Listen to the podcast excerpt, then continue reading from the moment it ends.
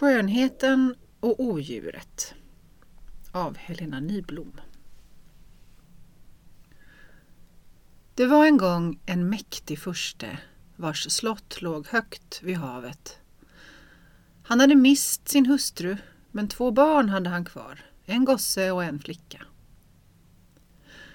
De var födda på samma dag och därför var de tvillingar. Gossen hette Astolf, men flickan hade fått namnet Jolanta. Som det ofta går med tvillingsyskon hade den ena fått kraften och styrkan varemot den andra förblev späd och fin. Här var det Astolf som sköt upp som en ung ek, varemot Jolanta snarare liknade en liljestängel. Men det var ju bättre så än om det hade varit tvärtom. Från deras första barndom älskade dessa två syskon varandra mycket högt. Den gamle fursten hade så mycket annat att tänka på att han inte gav sig mycket tid med barnen. Men Astolf var både far och mor för sin lilla syster. Om hon sov i gröngräset under en buske, då satt gossen och vaktade henne som om han varit en trogen hund. Ville hon binda kransar, då var det Astolf som hämtade alla blommorna åt henne. Och om de ibland, då de växte upp, seglade ut på havet, då bäddade Astolf åt sin lilla syster en ljuvlig bädd av stora mjuka kuddar, men själv satt han och styrde båten ut över vågorna. När solen höll på att dala då brukade de hand i hand stiga upp för den långa trappan i tornet och uppkomna på taket stod de och såg solen sjunka och stjärnorna komma fram på himlavalvet. Livet tycktes dem mycket skönt och rikt att leva och de frågade aldrig efter någon eller något utom hemmet. Så lyckliga var de över att äga varann. Men nu är det så att allting ändrar sig och allting tar slut liksom vågorna som höjer sig och sjunker i havet. Och det kom en dag då Astolf var 18 år. Då ville hans far att han skulle dra till kungens gård och anmäla sig som riddare i hans tjänst. Nu är det tid du blir en man, sa fursten. Du känner ju knappt andra än din syster Jolanta och du har mycket att lära dig. De båda syskonen begrep ju mycket väl att de inte alltid kunde få vara tillsammans. Men ändå tycktes det dem som en förskräckligt tung sorg att de skulle skiljas. Jag är rädd du glömmer mig, sa Jolanta, som höll båda sina armar om broderns hals. Där borta i kungens gård finns nog så många sköna damer och ädla kvinnor som kommer att uppta dina tankar och då minns du inte längre din lilla syster. Du talar mycket dåraktigt, svarade Astolf och log. Nog kan det finnas sköna och ädla kvinnor i världen, men ingen som kan ersätta ens syster. Vi två är födda på samma dag av samma mor och är uppväxta vid samma hav. Vi har samma blod i våra ådror och samma tankar i våra hjärtan. Du ska alltid vara det käraste för mig här på jorden. Men, tillade han, snarare kan jag tro att du kommer att glömma mig för en annan. Snart kommer nog friare från alla håll för att anhålla om din hand. Och får du först eget hus och hem, då får du liten tid att sända mig en tanke. En sak ber jag dig blott om. Se noga på en var som begär dig till hustru. Se noga efter om han har goda ögon. Om inte, Ja, så låt honom gå. Har du mera att säga mig? frågade Jolanta, som beständigt höll sina armar fast om broderns hals. Kommer du i nöd, min lilla syster, svarade han, så skicka mig bud, fort, genast. Och vad jag än har för handen så ska jag släppa det för att komma och hjälpa dig. Men har du ingen att skicka, så ropa på mig. Ropa mitt namn så högt du kan och jag lovar att jag ska höra det och ila till din hjälp. Så gjorde han hennes armar loss från sin hals och steg till häst. Men då Jolanta såg honom försvinna med sitt följe föll hon som en bruten liljestängel ner bland blommorna i trädgården. Sedan Astolf ridit bort dröjde det inte länge innan en friare kom till slottet. Ryktet om Jolantas stora skönhet hade gått vida och dessutom var hon ju dotter till rikets mäktigaste man. Men hon tänkte varken på brudgum eller bröllop och ville inte höra talas om att lämna sin faders borg. Hon hade kommit överens med den gamle fursten att om hon inte ville motta ett anbud från en friare, då skulle hon lägga sina handskar kvar på bordet när hon gick från matsalen. Då slapp hon säga det hårda ordet nej och slapp att se ett sorgset ansikte. Gång på gång red någon förnäm friare in på slottsgården och gång på gång fann han Jolantas små guldbroderade handskar ligga kvar vid taffeln när hon själv hade försvunnit. Och då hade han blott att sadla sin häst och rida bort. Så kom en dag ett underligt följe ridande över vindbryggan. Det var stora, starka kämpar som red vilda, svarta hästar. De ridande hade vingar av rovfåglar fästade på hjälmarna och somliga bar ett helt hjortvisir på stormhatten. I spetsen för dem red en väldig kämpe klädd i ett pansar som skimrade av guld och ädelstenar. Då han blev förd framför försten så böjde han sig djupt och sade att han kom som sändebud från skogarnas förste som önskade att få Jolanta till brud. Gåvor hade han också bragt med och han räckte fram ett jaktspjut av elfenben och silver. Men Jolanta skrek högt. Hon skulle inte vilja döda den minsta lilla fågel. Vad skulle hon med ett jaktspjut att göra? Den främmande riddaren öppnade nu ett litet skrin varur han framtog en kedja av guld och rubiner. Han kastade denna kedja kring halsen på Jolanta så att den föll ner över hennes vita sidenklänning men hon rev den hastigt bort så att den föll till golvet. Man skulle tro att jag vore översprutad med blod, utbrast hon. Alla dessa röda fläckar på min vita dräkt. Jag bär aldrig annat än pärlor.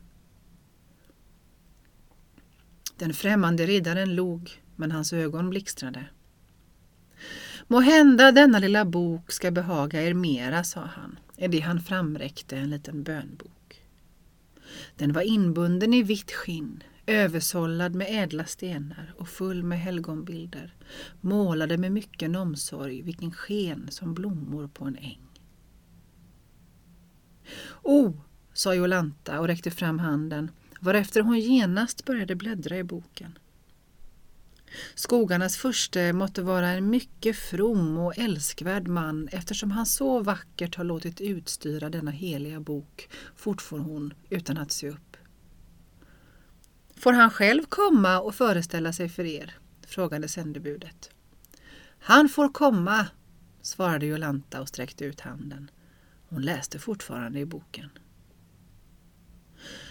Blott ett par dagar därefter red skogarnas förste in på borggården. Det var den stoltaste riddare man kunde se. Han var högre växt än alla riddarna i sitt följe, smal om livet och bred över axlarna. På sitt korta kolsvarta hår bar han en gyllene hjälm med ett par väldiga örnvingar och om sina bruna händer hade han tjocka gyllene armringar. Hans ögon vore också svarta och gnistrade underligt vilda. Men när han skrattade visade han två rader snövita tänder med skarpa spetsiga hörntänder. Han emottogs med mycken ståt av den gamla fursten. Man visste nog att han rådde om de oändliga skogarna som sträckte sig upp för bergen, men annars hade man inte mycket reda på honom. Blott ett visste man, att bara hans namn, skogarnas furste, fyllde alla sinnen med en sorts bävande vördnad och de som en gång sett honom glömde honom aldrig. Då Jolanta vid sin faders hand fördes fram för honom neg hon ända till golvet. Men då hon lyfte sina ögon och såg honom i ansiktet darrade hon sakta. Han har inte goda ögon, viskade hon till sin far Och om kvällen då den gamle fursten frågade henne om hon ville ge skogarnas furste sitt ja svarade hon detsamma. Han har inte goda ögon. Men hennes far sa att man inte hade rätt att fästa sig vid sådana småsaker. Det skulle vara en stor ära och lycka för honom att få en så mäktig och fruktad måg. Men då suckade Jolanta blott och bröllopet blev bestämt. På bröllopsdagen gick det präktigt och vilt till på slottet.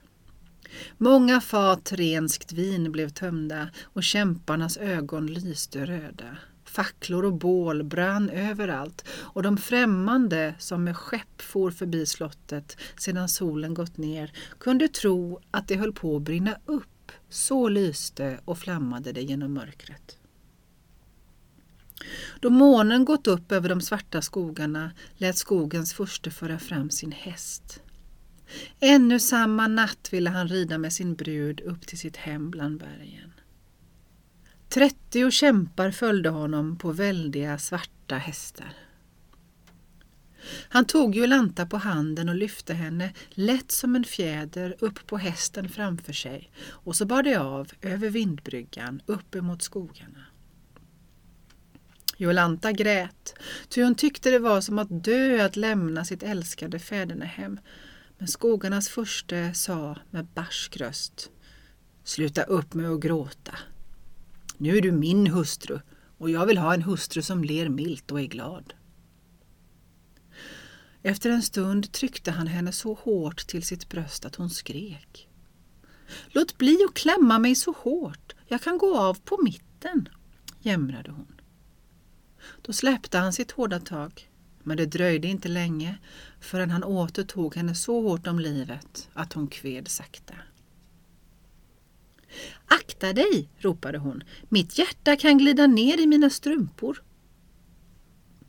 Du får inte pipa som en liten fågel, sa han dystert. Du ska vara foglig och tyst. Nu börjar vi rida in i mitt furstendöme. Hästen hade börjat gå långsamt, ty nu steg man upp för berget och in i de väldiga skogarna. Jolanta satt sammankrupen och såg med förskräckta ögon på de skyhöga granarna som hängde sina långa grenar rakt ner till jorden och på tallarna som lyfte sig upp mot den klara himlen och bredde sina kronor i månskenet. Det var dödsstilla bland alla stammar och hon hörde blott ljudet av de trettio hästarnas hovar som kom stampande efter dem. Ibland skrek en uggla från de tätaste snåren. Ibland prasslade det i buskarna som om något villebråd skulle röra sig, men så blev allt åter stilla. Svartare och högre blev skogen och natten hade blivit isande kall. Hon drogs in under sin brudgums mantel och satt där och huttrade medan tårarna sakta trillade ner för hennes kinder. Beständigt bar det uppför och beständigt gick hästarna mera långsamt. Då hördes plötsligt skogsfurstens röst. Ser du ljuset där? Snart är vi hemma. Strax därpå stannade alla ryttarna och Jolanta såg framför sig något som hon först tyckte vara bergväggen. Men mitt på denna vägg var en öppning och genom den såg hon in i en stor hall där en väldig eld brann. Hennes brudgum sprang ur sadeln och lyfte henne ner på marken och i samma ögonblick höjde han handen. Det var tecken till att alla riddarna skulle försvinna och strax var de som bortblåsta. Inte ett spår av dem var att se. Skogarnas furste förde nu Jolanta in i hallen, men ingen kom att möta henne och önska henne välkommen. Sätt dig och vila, sa han med sin hårda röst. Jag ska blott gå och ta på mig min vardagsdräkt. Strax ska jag åter vara hos dig. Och därmed lämnade han henne ensam. Jolanta såg sig omkring i hallen. Det var ett öde, hemskt rum. Den enda möbel som fanns var en väggfast bänk strax bredvid den öppna spisen där i stora ekklubbar sprakade och brann med höga flammor. Det var så högt i taket som i en kyrka och alla väggar var täckta med grankottar. Högst uppe i taket var en öppning genom vilken hon kunde se himlens stjärnor som strålade genom den stilla natten. Men vad som på henne gjorde ett grymt och ohyggligt intryck, det var det att längs alla väggar på salen var djurhuvuden fastspikade. Hjortar, rådjur och harar stirrade ner på henne från alla sidor. Hon förstod att detta måtte vara djur som hennes brudgum och hans män hade dödat och hon tyckte att deras ögon såg på henne i dödsångest fastän deras öppnade gap inte frambrakte ett ljud. Aldrig hade hon trott att något kunde vara så ensamt och ohyggligt som denna sal och hon såg sig orolig om och önskade att hennes brudgum dock snart skulle komma åter så att hon inte skulle känna sig så övergiven. Men vad var det hon hörde? Hon andades inte för att kunna lyssna bättre. Ett underligt stönande ljud nådde hennes öron och på samma gång skakade golvet som om någon skulle nalkas med en tung, plumsande gång. Förfärad stirrade hon emot dörren som nu gick upp och där stod inte hennes brudgum men en förfärlig stor björn. Han stod på bakbenen och ut ur gapet hängde hans långa eldröda tunga.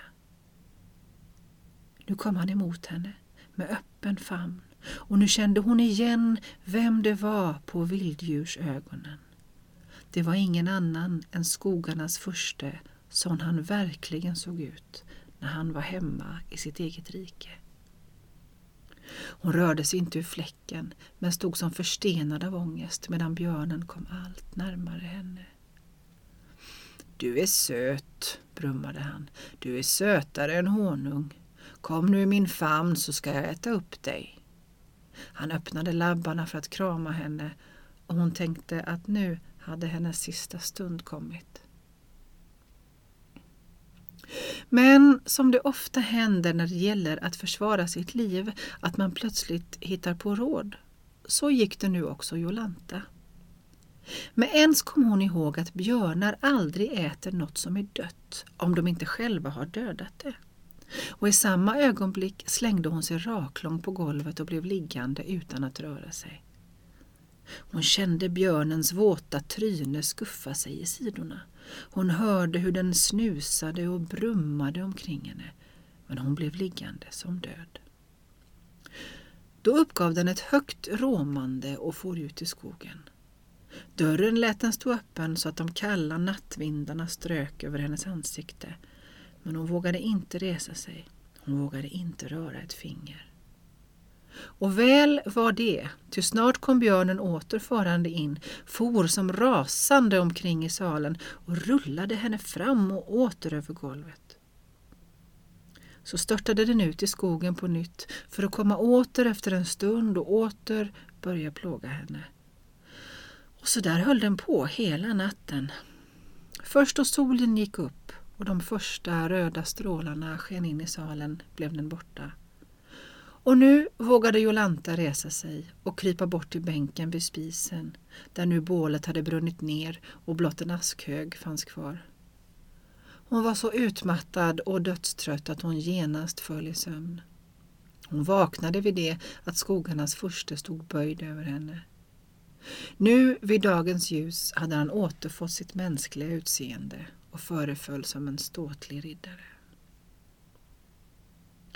Har du sovit gott min Lilja? frågade han henne vänligt. Jo, det tror jag visst att jag har, svarade hon och gnuggade ögonen. Nu skulle han på jakt med sina män, men på kvällen skulle de alla äta i den stora salen. Han skulle skicka sina drängar att sköta om allt. Jolanta var sålunda ensam hela den långa dagen och hon tänkte blott på att rymma. Men vart skulle hon ta vägen? Inte skulle hon kunna finna väg eller stig i viltskogen där alla träd stod tätt och alla träd liknade varann. Och om hon så skulle stöta på sin brudgum och hans män, då skulle alla försök att komma bort vara förgäves. Hon la sig ner på mossan under de höga furorna och lyssnade till deras enformiga sorgsna sus. Och så somnade hon och sov till kvällen kom. Innan solen gick ner kom hela jaktföljet ridande. Många hjortar och rådjur hade blivit dödade och man slängde deras stackars döda kroppar i en stor hög framför dörren till hallen. Inomhus hade svänner och drängar gjort allt i ordning till festmåltiden. Ett stort bord var framsatt i hallen och där glänste vinkannor och dryckesbägare. Elden slog flammor och gnistor i spisen och då alla hade tagit plats vid bordet sprang köksvännerna med fat fulla av stekta vildsvinshuvuden, hjortryggar och skogsfågel medan andra fyllde bägarna så fort de blivit tömda. Och det gick raskt. Den ena tunnan vin efter den andra blev öppnad och under tiden skrek och skrattade de alla så högt att Jolanta darrade som ett asplöv. Hon såg sig omkring på alla dessa vilda kämpar och hon kunde inte låta bli att tycka att de alla var lika vilddjur. Somliga liknade rävar, andra lokatter och andra hade ansikten som påminde om hungriga vargar. Till slut kastade hon en förstulen blick på sin brudgum. Ja, han liknade en björn. Han var en björn. Nu visste hon det. Fram på natten raglade alla dessa vilda sällar bort och hon blev åter ensam med skogarnas furste.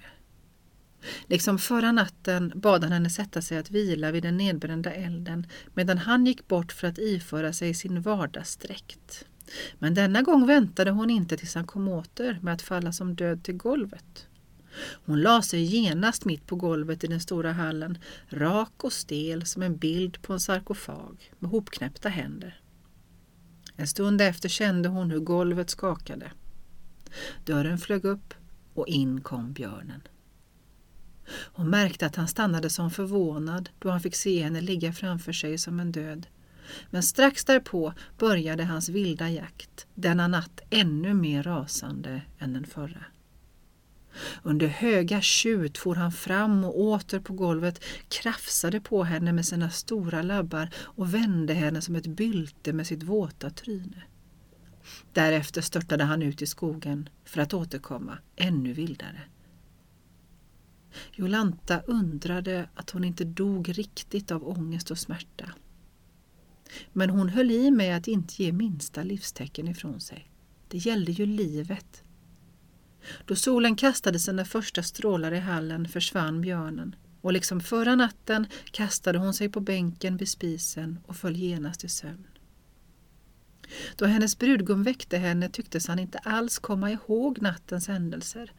Och det underliga var att varje natt trodde björnen åter att hon var död. Det var som om han alldeles skulle ha glömt att han nyss sett henne livslevande. Men ni kan nog tänka er vilket förskräckligt liv den arma Jolanta förde. Visserligen sov hon nästan hela dagen medan skogsfursten och hans kämpar vore på jakt. Men med fasa såg hon solen försvinna varje kväll, ty varje natt var en kamp för att rädda livet. Ofta såg hon sig om i den stora allvarsamma skogen och undrade om hon skulle kunna finna en stig på vilken hon kunde springa bort, men hon vågade inte försöket. Skogen var så vild och ogenomtränglig och om hon mötte jägarskaran där ute, ja, då skulle det vara slut med henne. Sommaren gick och hösten kom. Inga lövträd vissnade, ty hela skogen bestod av idel furor och granar. Men Jolanta kände det på luften som började bli isande kall och på stormen som rasade genom skogstopparna.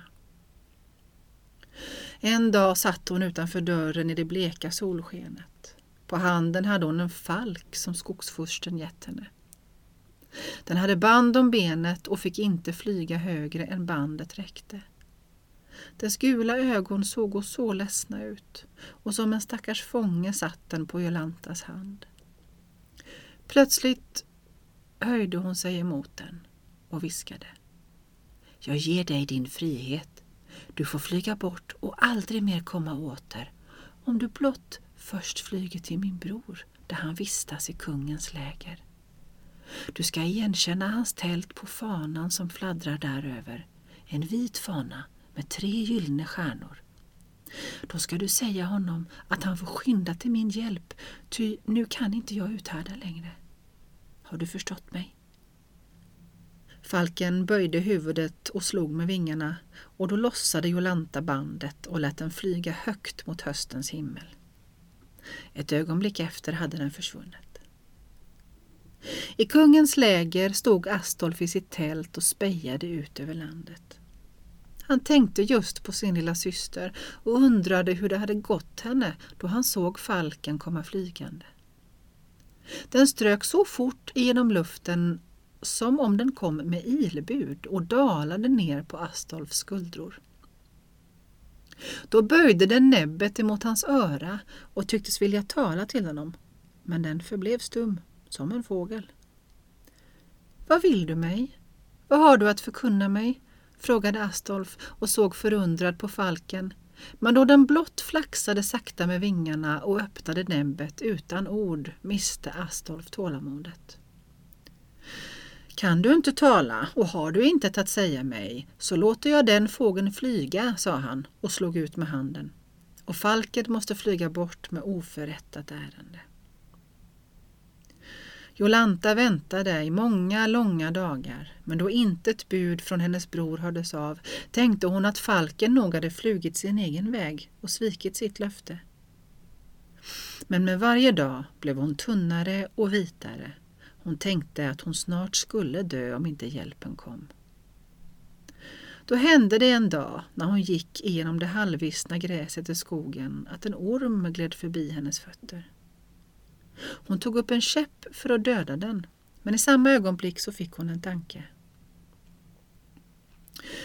Du ska få leva, du stackars kräk, sa hon till ormen, om du lovar mig att skynda över berg och kullar tills dess du har nått kungens läger.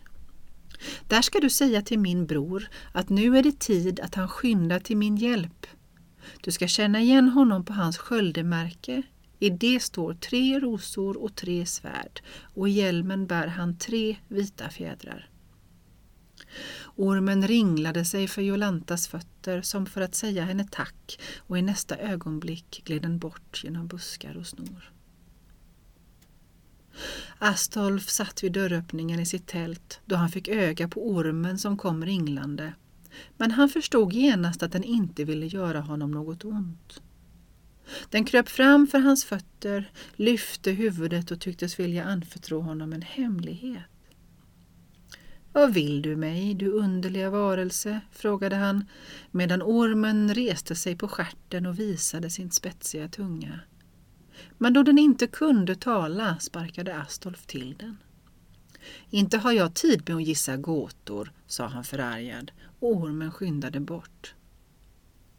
Men han började bli underligt till mods.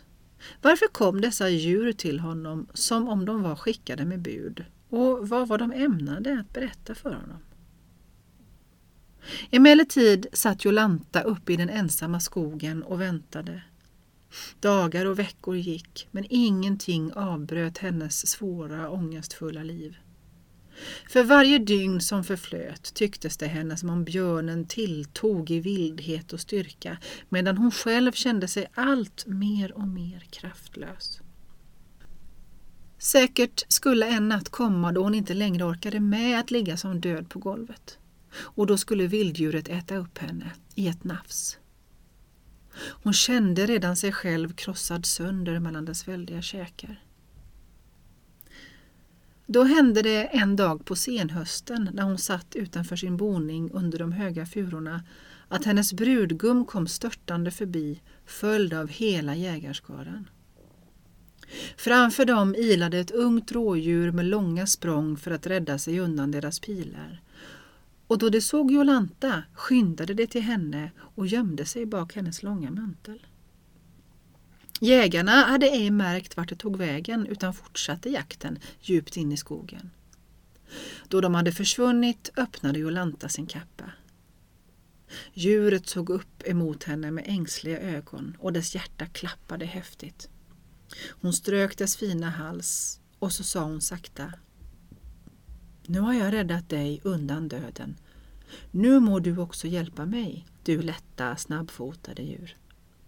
Spring nu, allt du förmår, spring bort till kungens läger och stanna inte förrän du kommer till min brors tält.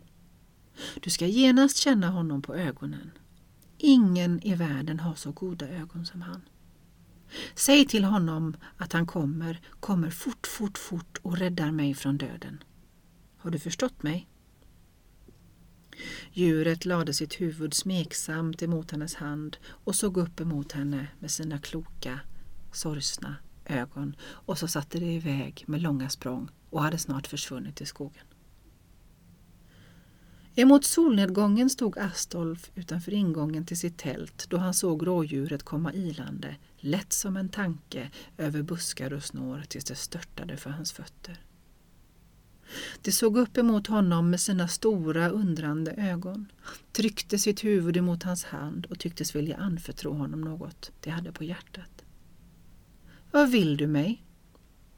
frågade han undrande medan djuret alltjämt rörde på huvudet och stampade med fötterna.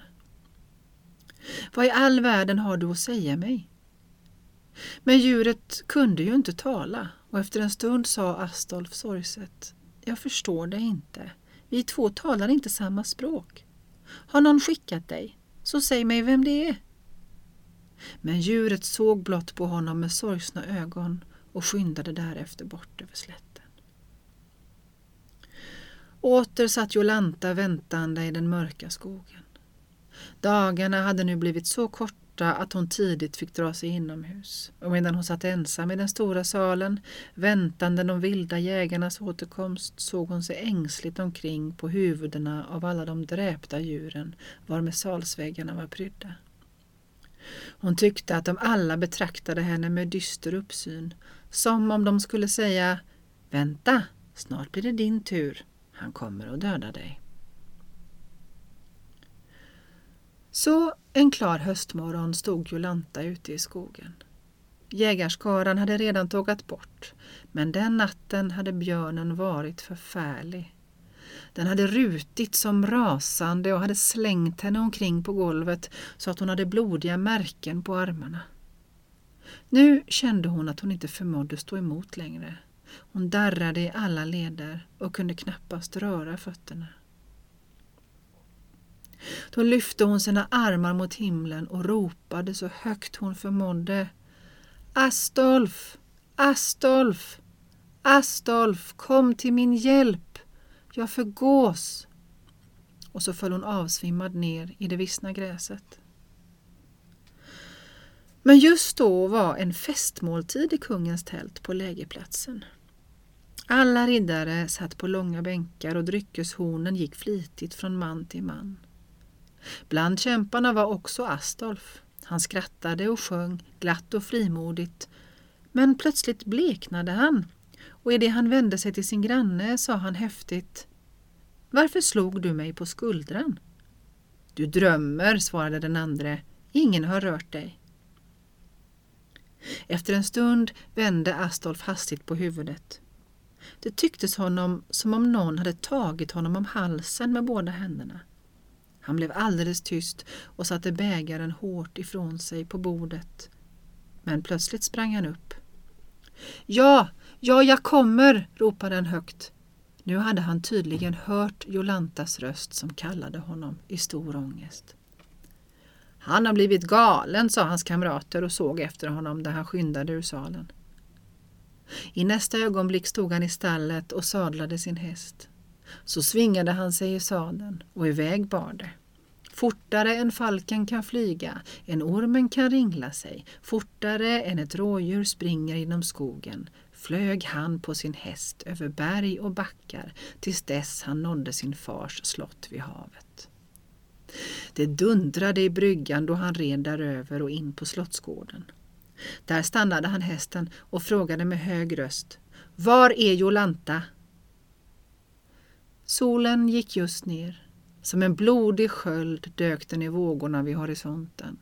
Havet var kolsvart och böljorna stormade kalla under den flammande himlen.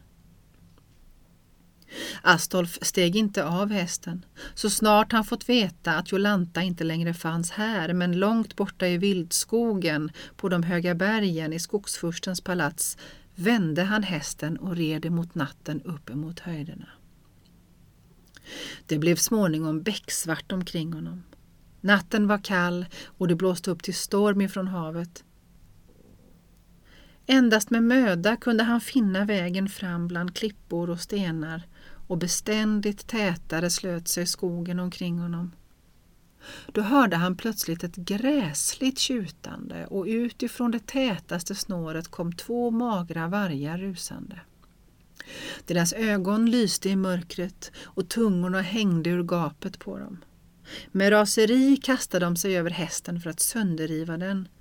Men Astolf tog sitt svärd och efter en kort men rasande kamp hade han dödat dem båda. Han spårade sin häst och skyndade vidare. Men nu var det som om hela skogen hade fått liv. Från alla sidor kom hemska vilddjur störtande. Rävar med ilskna ögon och vassa tänder, lodjur med öppna gap och med tofsar lysande som flammor på öronen. Uthungrade vargar och små tjocka hetsiga björnar, alla rusade de emot Astolf för att döda honom och hans ståtliga häst. Han stred som en kämpe emot dem alla, svängde sitt spjut och högg med sitt svärd, kastade sig från den ena sidan av hästen till den andra. Till slut hade han dödat så många av vilddjuren att de återstående tog till flykten med höga tjut och nu red han ensam och oförfärad sin väg vidare. I skogen var nattmörkt och endast de höga furukronorna susade som ett stort böljande hav. Då såg han högt uppe bland träden ett ljus skina som en stjärna och ju närmare han kom desto starkare lyste det.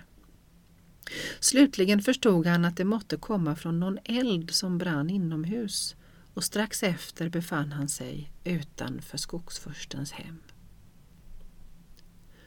Han höll in hästen och lyssnade. Intet hördes. Allt föreföll som övergivet och dött. Men se! Plötsligt kom en jättebjörn farande ut från huset. Astolf hade aldrig förr sett någon så ohyggligt stor. Med tung, vaggande gång kom den nerför trappan och rusade ut i skogen. Tungan hängde ur det röda gapet, ögonen tycktes spruta eld och så vrålade den så vilt och ohyggligt som om den skulle ha varit genomborrad av dödande pilar. Nu fick den öga på Astolf. Den reste sig på bakbenen och kom emot honom med öppen famn färdig att krama sönder honom. Då satte Astolf sig fast i sadeln och nu började en kamp på liv och död. Björnen hade jättekrafter och nådde upp över hästens rygg. Astolf var redan utmattad av striden med alla vilddjuren i skogen men han förstod att nu gällde det på allvar. Beständigt förstod björnen att värja sig för Astolfs svärdhugg och lansstötar. Den bet i hästens sida så att blodet strömmade ut och djuret höll på att störta av smärta. Men nu svängde Astolf lansen av all makt och jagade den tvärs igenom björnens kropp. Den uppgav ännu ett förfärligt vrålande och tumlade därefter död till jorden. Då hoppade Astolf ner från hästen och gick över det döda djuret in i skogspalatset. Han öppnade dörren till hallen. En stor eld flämtade ännu i den öppna spisen och från väggarna stirrade de många huvudena av de dödade djuren ner på honom. Men ingen levande varelse syntes till. Dock, plötsligt fick han se någon ligga på golvet. En liten fin skepnad låg utsträckt på ryggen med hopknäppta händer som en bild på en grav. Astolf skyndade dit och knäböjde vid dess sida. Det var ju Jolanta, hans egen älskade lilla syster. Hon låg så stilla som om hon varit död och hennes ansikte var så kritvitt att Astolf verkligen trodde att hon inte mera var levande. Men nu såg han att hennes ögonlock darrade sakta och han tryckte hennes ena hand till sina läppar. Han kände då genast att denna hand var mjuk och varm, men hon rörde sig inte. Hon tänkte att det var björnen som återvänt från skogen och åter hade nalkats henne. Då viskade Astolf sakta. Jolanta! En rysning genomfor hela hennes kropp. Denna röst kände hon allt för väl och långsamt öppnade hon ögonen. Då fick hon se sin älskade bror där han knäböjde vid hennes sida och log mot henne. Hon slog båda armarna om hans hals och grät vid hans bröst. Men plötsligt kom hon ihåg sin förskräcklige herre och hon ropade Skynda dig, fly, ty annars kommer björnen och dräper dig. Astolf talade då om för henne att björnen låg dödad utanför i skogen. Och så bar han henne på sina armar och lyfte henne på hästen och slog sin kappa omkring henne och så började de återfärden. De gick fot för fot över stenar och klippor ner igenom den dystra furuskogen. Solen började titta fram med bleka strålar och då de kom ner på slätten låg havet som en oändlig silvervit yta framför dem. Ser du Jolanta, nu har vi hunnit till havet, sa Astolf och öppnade kappan. Men Jolanta sov med huvudet emot hans hjärta. En stund därefter red de över vindbryggan in på slottsgården. Solen sken rosenröd på de röda slottsmurarna då Astolf åter öppnade sin kappa och sa Nu, Jolanta, nu är vi hemma. Då vaknade hon, gnuggade ögonen och log. Men Astolf lyfte henne från hästen och hand i hand gick de upp i slottstornet och där stod de lyckliga och såg ut över havet emot världens ände.